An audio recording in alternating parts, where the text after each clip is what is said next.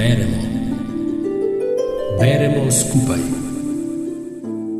Knjižničarke priporočajo.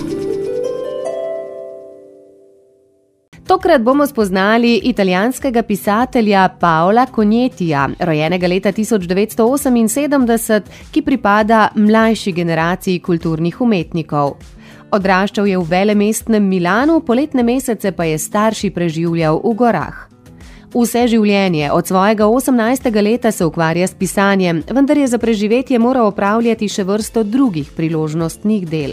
Njegov prvi roman z naslovom Osem gora je izšel leta 2016, v slovenščini smo ga dobili štiri leta kasneje. Gre za lirično izpoved o prijateljstvu in človekovem odnosu do narave. Knjiga je postala uspešnica, za njo je prejel prestižno italijansko in več mednarodnih nagrad. Končno je lahko zaživel le od svojega literarnega ustvarjanja ali kot pravi pisatelj sam, temu lahko rečemo sreča. Zgodba, ki jo želimo predstaviti danes, je v bistvu avtorjevo spominjanje na obdobje pri njegovih 30 letih, ko je zašel v življenjsko krizo. Počutil se je nemočen, zmeden in potrt, pa tudi pisanje mu ni šlo, kar pa je zanj pomenilo, kot da bi ostal brez hrane in pijače. V tistem obdobju je imel že privrčevanega nekaj denarja, dovolj za nekaj mesečno preživetje brez službe. Udobno mestno življenje v rodnem Milanu je zamenjal za dolgo sezono od pomladi do naslednje zime v visokogorskem svetu. Želel si je poiskati streho nad glavo čim dlje od naselij in čim više v gorah. Uspelo mu je izslediti primerno zatočišče v gorah nad dolino Aoste. To je bila koča iz lesa in kamenja na nadmorski višini 1900 metrov, od zadnje vasi oddaljena približno 10 km. V bližini je bilo samo nekaj zaselkov, ki pa so bili obljudeni le v poletnih in zimskih mesecih. Ob njegovem prihodu konec aprila pa tu ni bilo žive duše.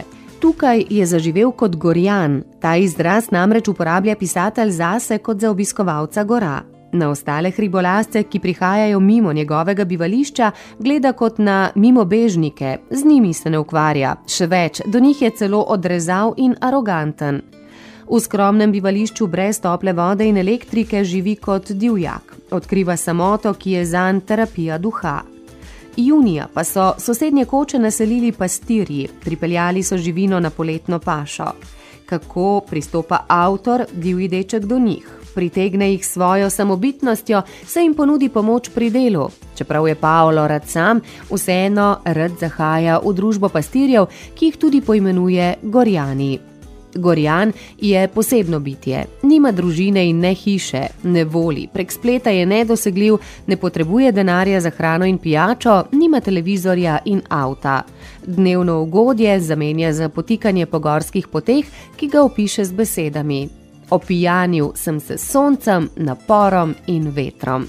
Knjiga Divji deček predstavlja preprostost življenja, harmonijo narave in mik divjine, pravi Tatjana Šmit iz Škofeloške knjižnice Ivana Tavčarja, ki nam gorski dnevnik Pavla Konjetija tudi priporoča branje.